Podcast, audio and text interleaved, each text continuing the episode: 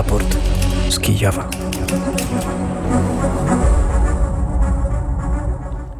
275 dzień rosyjskiej inwazji w dziewiątym roku wojny Rosji przeciwko Ukrainie. Wita się Paweł Bobułowicz. Audycję realizuje Asia Reiner. Wojska rosyjskie nadal ostrzeliwują Hersoń. Wieczorem w wyniku ostrzału wybuchł pożar w bloku mieszkalnym. W tym momencie wiemy o siedmiu ofiarach śmiertelnych i 21 osobach rannych. Ukraiński wywiad uważa, że Rosja będzie potrzebowała około tygodnia na przygotowanie nowego, zmasowanego ataku rakietowego na Ukrainę. Została przeprowadzona kolejna wymiana jeńców. 50 żołnierzy ukraińskich powróciło z niewoli rosyjskiej. Wśród nich są wojskowi, którzy bronili Mariupola, w tym ewakuowani z Azowstali, a także jeńcy z Czarnobylskiej Elektrowni Jądrowej i Wyspy Wężowej. Parlament Europejski zatwierdził przyznanie Ukrainie 18 miliardów euro. Wcześniej Węgry zablokowały pakiet pomocy dla Ukrainy z Unii Europejskiej. Jednak wczoraj Budapeszt zatwierdził przeznaczenie swojego wkładu na pożyczkę finansową. Mimo masowych ataków Straż Graniczna Ukrainy nie odnotowuje wzrostu liczby obywateli, którzy chcieliby opuścić ten kraj. Ruch pasażerski spadł nawet o 11% w porównaniu z październikiem, podaje ukraińska służba graniczna. I są z nami oczywiście nasi korespondenci na Ukrainie. Dmytro Antoniuk w Kijowie. Dzień dobry, Dmytrze. Dzień dobry, Paweł, dzień dobry z Państwu. I Artur Żak w Drochobyczu, Arturze, jak się nie byle. Dzień dobry Pawle, dzień dobry Dmytrze, kłaniam się nisko, no właśnie, tym razem z Drochobycza. Panowie, za chwilę oczywiście tradycyjnie zapytam was o sytuację i to, co się dzieje, co się działo w ciągu doby wokół was, ale e, chciałem was poprosić o komentarz do tej ostatniej mm, informacji. Wiem, że już macie przynajmniej częściowy dostęp do, do internetu. Widzicie, jak reagują Ukraińcy na te e, ostrzały. Na pewno macie też swoich znajomych, rodziny, e, gdzie na ten temat rozmawiacie. Muszę przyznać, że ja jestem zaskoczony tą informacją, że nie ma zwiększonego ruchu granicznego, że Ukraińcy nie rzucili się do wyjazdu mm, na zachód, że pozostają e, na Ukrainie. Dmytrze, jak ty to mm, obserwujesz, jak widzisz i jak sądzisz, dlaczego e, tak to wygląda? No bo większość ludzi po prostu w, chce bronić się i zostawać w swoim domu. Jednak e, w, mimo to, że w, jasne, że na przykład w Polsce, w innych krajach robią wszystko możliwe dla potrzeb takich e, uchodźców, ale jednak w domu jest jak w domu. I dlatego ludzie po prostu pozostają w swoim domu. Już e, nawet e, już ci, którzy na przykład przyjechali z powrotem z, z zagranicy po wyjeździe w lutym, w marcu z Kijowa, z innych części Ukrainy. I oni chcą pozostać już w Ukrainie i, i robią wszystko potrzebne, żeby po prostu przetrwać. Także ja na na przykład nie znam wśród swoich znajomych mm, i znajomych znajomych, kto, kto by teraz e, wyjeżdżał tak naprawdę za granicę. Arturze, ty mieszkasz e, na, w zachodniej części Ukrainy, mieszkasz blisko w sumie e, granicy. Jak mieszkańcy Lwowa, jak mieszkańcy Ukrainy Zachodniej podchodzą do kwestii wyjazdu z Ukrainy? Tutaj wśród moich znajomych i z obserwacji takiej ogólnej e, społeczeństwa ukraińskiego w Lwowie i na ziemi lwowskiej zauważyłem, że już wszyscy ci, którzy chcieli zabezpieczyć swoje rodziny, zrobili to w pierwszych e, miesiącach tej pełnowymiarowej inwazji. I część moich znajomych, e, tutaj mówię przede wszystkim o mężczyznach, jest nadal tutaj na Ukrainie. Część służy w wojsku, część w inny sposób pomaga czy też państwu ukraińskiemu, czy społeczeństwu obywatelskiemu, czy czy armii, czy pracując, płacąc podatki, czy działając na tej niwie wolontariatu ukraińskiego, który jest bardzo, bardzo rozwinięty. I na daną chwilę tutaj jak najbardziej się dołączę do zdania Dmytra. Nie zauważyłem jakiegoś nadmiernego ażiotażu w e, podejściu do wyjazdu, jakiegoś nadmiernego nastawienia na opuszczanie Ukrainy w związku właśnie z tymi atakami. Wydaje mi się, że każdy następny atak tylko powoduje determinację dyskryminacji w społeczeństwie ukraińskim. Oczywiście też widać e, przygotowania zarówno e, ludzi, ale także między innymi przedsiębiorców. Coraz częściej możemy zauważyć e, obok sklepów generatory, coraz częściej możemy zauważyć te stacje duże do ładowania urządzeń i sprzętów w różnych punktach usługowych. Coraz częściej możemy zauważyć, że wspólnoty mieszkaniowe w tych schronach, czyli w tych piwnicach, które były już mm, przygotowane parę miesięcy temu, e, usta- ustawiają tak zwane kozy, wyprowadzają właśnie kominy od tych kóz, żeby móc e, się e, ogrzać też we własnym domu. Pomimo tego na terenie całego miasta są ulokowane punkty grzewcze, gdzie można zagrzać coś ciepłego do jedzenia, ogrzać się i dostać też dostęp do, do internetu, bo trzeba przyjąć, że z e, uszkodzeniami infrastruktury energetycznej nie tylko woda, nie tylko mm, prąd w gniazdkach, ale także internet, czy też e, ten mobilny, komórkowy, czy też ten e, w kablu ulega no, zmniejszeniu, radykalnemu zmniejszeniu. E, Postawy Ukraińców w tej sytuacji naprawdę czasami zaskakują, wywołują niesamowicie, nie wiem właśnie, czy można nazwać pozytywne reakcje, ale takie reakcje, kiedy człowiek zaczyna pewnie też e, jakoś inaczej patrzeć na swoje e, życie i na swoje wybory. Jedna ze znajomych napisała tak, to dziewczyna, która była redaktorką w gazecie kobiecej, napisała dzisiaj tak, e, dzisiaj przechodzę do bojowego e, czołgowego oddziału. E, Zostałam teraz e, czołgistą i niedługo ruszam na pierwszą linię frontu. Dziewczyna około e, 40 lat, może kobieta, około 40 lat do tej pory dziennikarka sama poszłaby walczyć. Teraz jest, będzie walczyć w czołgu przeciwko Rosjanom. Tak zareagowała na to, co się dzieje, tak zareagowała na ten wzrost też rosyjskiej agresji. Tak jak Państwo słyszycie, Ukraińcy też nie rzucili się, m, by uciekać z Ukrainy. M, Nawet kobiety i dzieci, które przecież e, strasznie cierpią w tej sytuacji. Wczoraj ukraińskie media obiegło mm, zdjęcie dziecka, które musiało przyjechać na stację benzynową z mm, takim urządzeniem, inhalatorem. Dziecko jest astmatykiem, po to, żeby e, to urządzenie naładować, bo w domu nie było e, prądu wiele już godzin. To taka, tak wygląda ta sytuacja. My czasami myślimy o tym, że brak prądu to brak światła, ale to jest przecież mm, też niedostępność do wszystkich innych urządzeń, też tych, które ratują albo podtrzymują e, życie. Tak to też wygląda w szpitalach, ale wszystkie ukraińskie szpitale e, z tego, co podają informacje, jakie podają informacje ukraińskie, ukraińskie źródła oficjalne są już z powrotem podłączone do prądu. No właśnie, pa, panowie, jak wyglądała ta ostatnia doba u was? Rozmawialiśmy o tym wczoraj, jak przetrwaliście ten e, moment e, ataku, jak to wygląda mm, w Kijowie. Wiem, Dmytrze, że ty teraz e, gdzieś wyruszyłeś w poszukiwaniu chyba e, niezbędnych elementów właśnie do tego, by zorganizować sobie życie e, w tym świecie bez prądu. Dokładnie tak, bo ja z, e, jednak źle przygotowałam się do takiej sytuacji, więc teraz szukam e, lampy, na przykład e, takie na, na stolik na, na bateriach e, i mm, szukam e, też e, inne rzeczy. E, ja e, jestem w drodze do e, tak zwanego radio bazaru, gdzie jak mówią wszystko jest. E, w- też e, ta, takie e, w lampy, urządzenie też e, jest e, w sprzedaży w internecie, tylko ja boję się teraz e, robić zamówienie, bo boję się, że mo, mogę nie dostać tego w, w, po prostu w te, wtedy, kiedy chcę. W domu mam już prawie dwie doby, e, nie mam, nie mam w domu prawie dwie doby prądu, natomiast już jest e, ciepła woda, jest e, częściowo, tylko nie w cały, całym mieszkaniu jest ogrzewanie.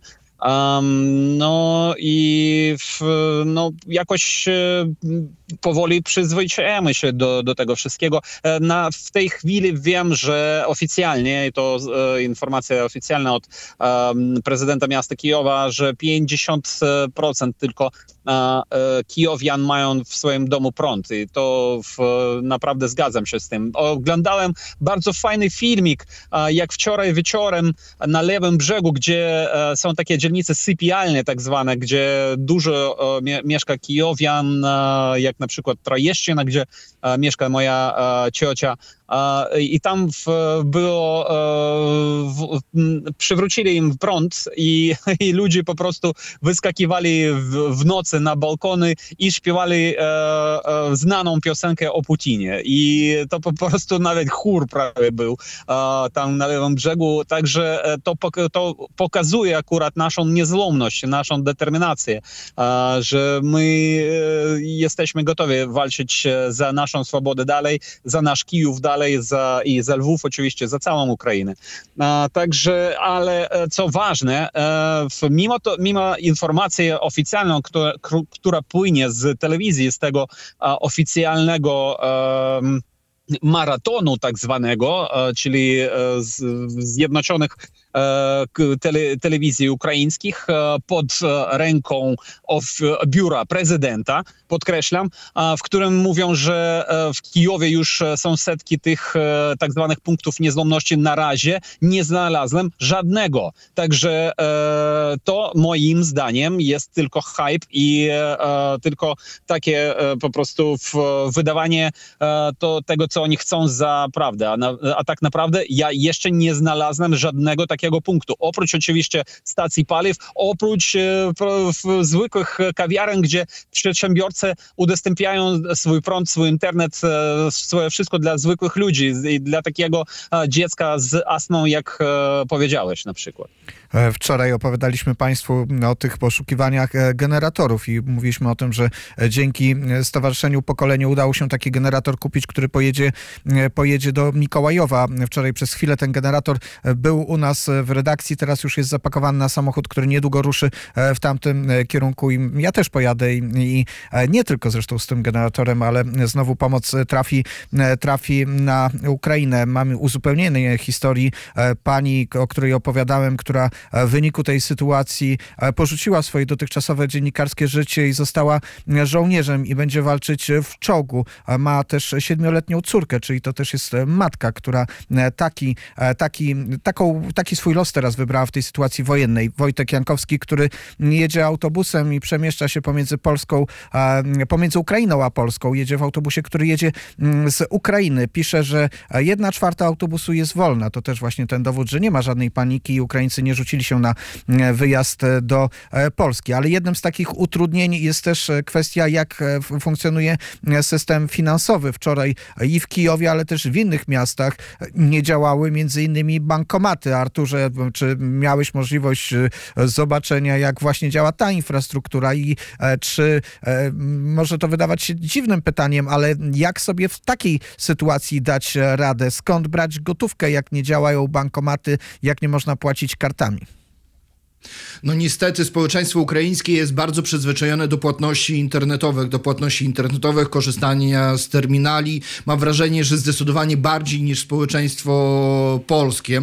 Więc faktycznie w momencie, w którym e, Net Energo, czyli ta firma, która dostarcza e, prąd dla dla firm teleinformatycznych, między innymi do bankomatów i terminali płatniczych, nie dostarcza im prądu, wtedy Ukraińcy mają związane ręce. Tak miałem też z tym do czynienia, nie byłem w stanie uzupełnić telefonu, nie byłem w stanie zapłacić e, rachunków.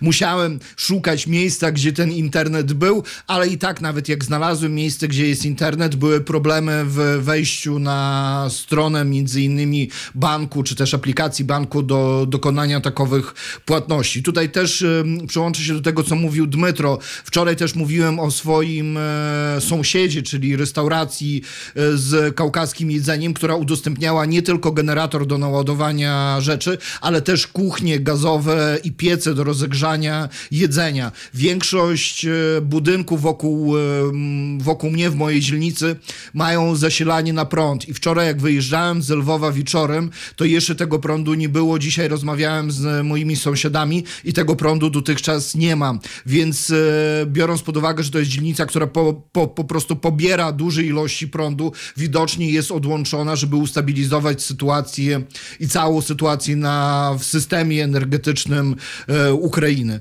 A też potwierdzam to, co mówi Wojtek, nadmiernych ruchów, z tego co sprawdzam, sprawdzałem przejścia graniczne e, na, na granicach między innymi z Polską nie ma, więc świadczy to o tym, że Ukraińcy jednak na dany moment pozostają w swoich domach i to nie zważając na to, że temperatura oscyluje w okolicach zera, czyli jest tak mniej więcej minus 2, minus 1, 0 stopni.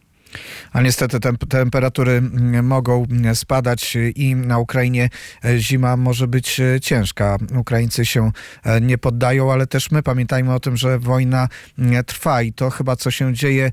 Być może jest to pytanie do, do doktora Tomasza Lechowskiego, specjalisty do spraw międzynarodowych, który często występuje na naszej antenie, ale ja mam wrażenie, że możemy już mówić o ludobójstwie, które dokonuje Rosja w stosunku do Ukrainy, bo przecież zamach na infrastrukturę energetyczną, na infrastrukturę ciepłowniczą, na dostarczanie wody, to działania, które zmierzają do tego, żeby doprowadzić do śmierci lub do opuszczenia ukraińskich miast przez Ukraińców. To jest niszczenie narodu ukraińskiego. Ukraińcy oczywiście pokazują odważną i godną postawę, ale pamiętajmy, że taki jest cel działania Federacji, Federacji Rosyjskiej.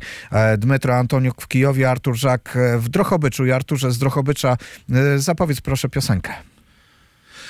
A dzisiaj utwór Aleksandra Ponomariowa, jednego z najbardziej znanych wokalistów ukraińskich, gwiazdy lat 90. i 2000 i utwór Zaśpiewajmy pieśnię za Ukrainą. Raport z Kijowa. A w raporcie z Kijowa przenosimy się do e, Warszawy. Naszym gościem telefonicznie jest pan Dominik Gąsiorowski, scenarzysta telewizyjny, organizator ogólnopolskiego bojkotu Leroy Merlin. Dzień dobry panie Dominiku. Dzień dobry, bardzo mi miło. Panie Dominiku, kilka dni temu dostałem od pana informację. Prorosyjska finansowana przez e, zakazany, mm, e, prorosyjska finansowana przez zakazany w Unii Europejskiej e, ruski mir, Fundacja Wspieram, dostała już po wybuchu wojny w Ukrainie na pełną skalę 2 miliony 200 tysięcy złotych z dotacji polskich podatków. To jest skandal. Zapraszam wszystkich twórców kultury oraz ludzi, którym po prostu nie jest to obojętne to, co się dzieje w naszym kraju, aby stawili się w piątek 25 listopada na ulicę Bracką 6 przez 8 w Warszawie o godzinie 9.30. Dzisiaj jest 25 listopada. Pan jest na ulicy Brackiej 6 przez 8, czyli pod mm, siedzibą Polskiej Agencji Prasowej. Tam odbywa się akcja. Nie potrzebujemy takiego wsparcia. Powiedzmy dwa słowa. O co chodzi? Co to za fundacja Wspieram e, i dlaczego dostała państwowe pieniądze, jeżeli korzysta ze środków ruskiego miru? Wie pan co, no, sprawa jest wyjątkowo skandaliczna, dlatego że Fundacja Wspieram nie działa od wczoraj. Ona działa od 2007 roku. Co roku organizuje festiwal filmów rosyjskich Sputnik. E, organizuje też festiwal filmów polskich, o czym mogę powiedzieć dwa słowa, ale to jest troszkę odrębny temat. I ona właśnie, tak jak mówiłem, dostała 2 miliony złotych e, w tym roku na różne projekty. Mówi się teraz o tym projekcie, w którym dostała specjalne dofinansowanie z pomocy dla Ukrainy. Prorosyjska fundacja dostała pomoc przeznaczoną dla twórców ukraińskich. I cała, e, cały skandal wybuchł dlatego, że twórcy ukraińscy powiedzieli, że im się to po prostu nie podoba. I ja im się nie dziwię, że nie chcą, żeby, żeby pieniądze przeznaczone e, dla Ukraińców szły do prorosyjskiej fundacji. I teraz szczegóły, bo one są bardzo ważne. Człowiek, który organizował e, ten festiwal ukraiński, nazywa się Jewgeni Stupiński, jest Rosjaninem. On dzwonił do twórców ukraińskich i proponował im współpracę. Wszyscy, do których dotarliśmy, odmówili współpracy. Natomiast, jak pan pewnie już wie, e, no skandal też polega na tym, że oficjalnie dyrektor Instytutu Sztuki Filmowej, polskiej instytucji budżetowej, E, odpisał, że ten festiwal cieszy się poparciem twórców ukraińskich i dołączył listę 30 twórców. Żaden z nich nie potwierdził e, tego, że popierał festiwal. W dodatku jedna z tych osób nie żyje od 2000 roku. Jak to, jak to jest tak? możliwe w takim razie, że e, fundacja, która raz, że jest wyraźnie powiązana e, z zakazaną, czy, czy no przynajmniej nieuznawaną działalnością rosyjskich środowisk, dwa, korzystająca z nieprawdziwych dokumentów, taką dotację dostała i czy są jakieś efekty nagłośnienia tej sprawy? No, efektem nagłośnienia tej sprawy jest to, że został przyspieszony wybór e, e, dyrektora PiSu i pan Radosław Śmigulski został wybrany na drugą kadencję w sposób niejawny. Wszyscy twórcy, których znam filmowi, obudzili się czegoś tam i dowiedzieli się, że jest znowu e, dyrektorem. To no, po prostu wygląda tak, jakby po prostu bardzo szybko coś zostało jakby tutaj zrobione w tej sprawie. Minister Gliński tą nominację zatwierdził. Natomiast rzeczą najbardziej w tym wszystkim jest to, e, że wszyscy właściwie wiedzieli o działalności tej fundacji, bo minister Błaszczak, który e, w 2011 roku był posłem, zgłosił w Sejmie interpelację, gdzie ostrzegał, że ta fundacja jest finansowana przez Gazprom i jest założona przez człowieka, który jest skrajnym antysemitą, który jest e, na jednej liście wyborczej z Bogdanem Porębą, człowiekiem, który zakładał Stowarzyszenie Grunwald. To starsi y, słuchacze może pamiętają, że to było stowarzyszenie odpowiedzialne za nagonkę antysemicką w Polsce.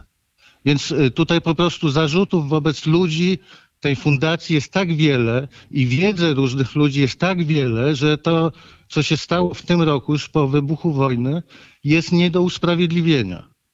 Pan e, prowadzi też bezpośredni e, i taki, e, można powiedzieć, publiczny spór z obecną szefową tej fundacji. Tak, no, my się komunikujemy, ona do mnie pisze po prostu już na Messengerze, ja jej nie, nie zablokowałem, więc ona wczoraj mi groziła, prawda, sądem i tak dalej. E, no, jest to sympatyczna wymiana korespondencji, ona, ona pisze jedno, ja drugie, no, generalnie mówię z pełną odpowiedzialnością, że kłamie, dlatego, że e, po prostu, e, no to już jest metoda kłamania na upartego, no bo ona mówi na przykład, nie dostała medalu od Putina. Ja jej odpisuję, no ale przecież agen- Polska Agencja Prasowa to podawała i wszystkie polskie media. No to ona mówi, to proszę sobie sprawdzić daty. No to ja pytam, no to chodzi pani o to, że dostała pani od Miedwiediewa, no ale on skończył kadencję w maju, a pani dostała w czerwcu, czyli za Putina. No to ta pani nie odpowiada. No ale generalnie ona ma prawo jakby się domagać dotacji. Skandalem jest to, że je dostaje.